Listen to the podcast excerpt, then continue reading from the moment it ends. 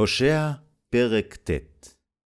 אל תשמח, ישראל אל גיל כעמים, כי זנית מעל אלוהיך, אהבת אתנן על כל גורנות דגן. גורן ויקב לא יראם, ותירוש יכחש בה. לא ישבו בארץ אדוני, ושב אפרים מצרים, ובאשור טמא יאכלו. לא יסקו לאדוני יין, ולא יערבו לו זבחיהם.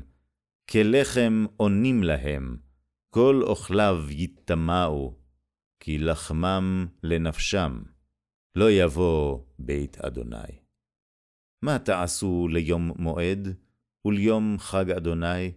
כי הנה הלכו משוד, מצרים תקבצם, מוף תקברם, מחמד לכספם, כימוס יירשם, כוח באוהליהם.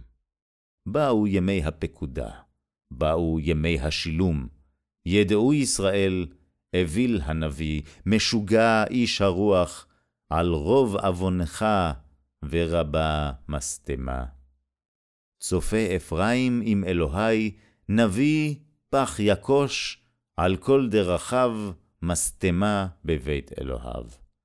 העמיקו, שיחתו כימי הגבעה, יזכור עוונם, יפקוד חטאותם.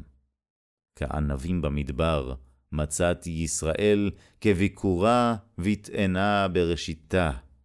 ראיתי אבותיכם, המה באו בעל פאור, וינזרו לבושת, ויהיו שיקוצים כאוהבם. אפרים, כעוף יתעופף כבודם, מלידה ומבטן ומהיריון.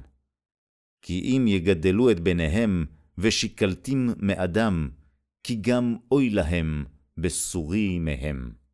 אפרים, כאשר ראיתי לצור שתולה ונווה, ואפרים להוציא אל הורג בניו. תן להם, אדוני מה תיתן? תן להם רחם משקיל, ושדיים צומקים.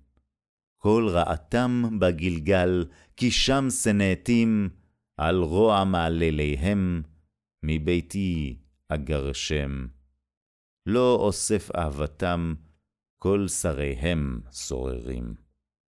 הוכה אפרים, שורשם יבש, פרי בל יעשון, גם כי ילדון, והמתי מחמדי בטנם. ימאסם אלוהי, כי לא שמעו לו, ויהיו נודדים בגויים.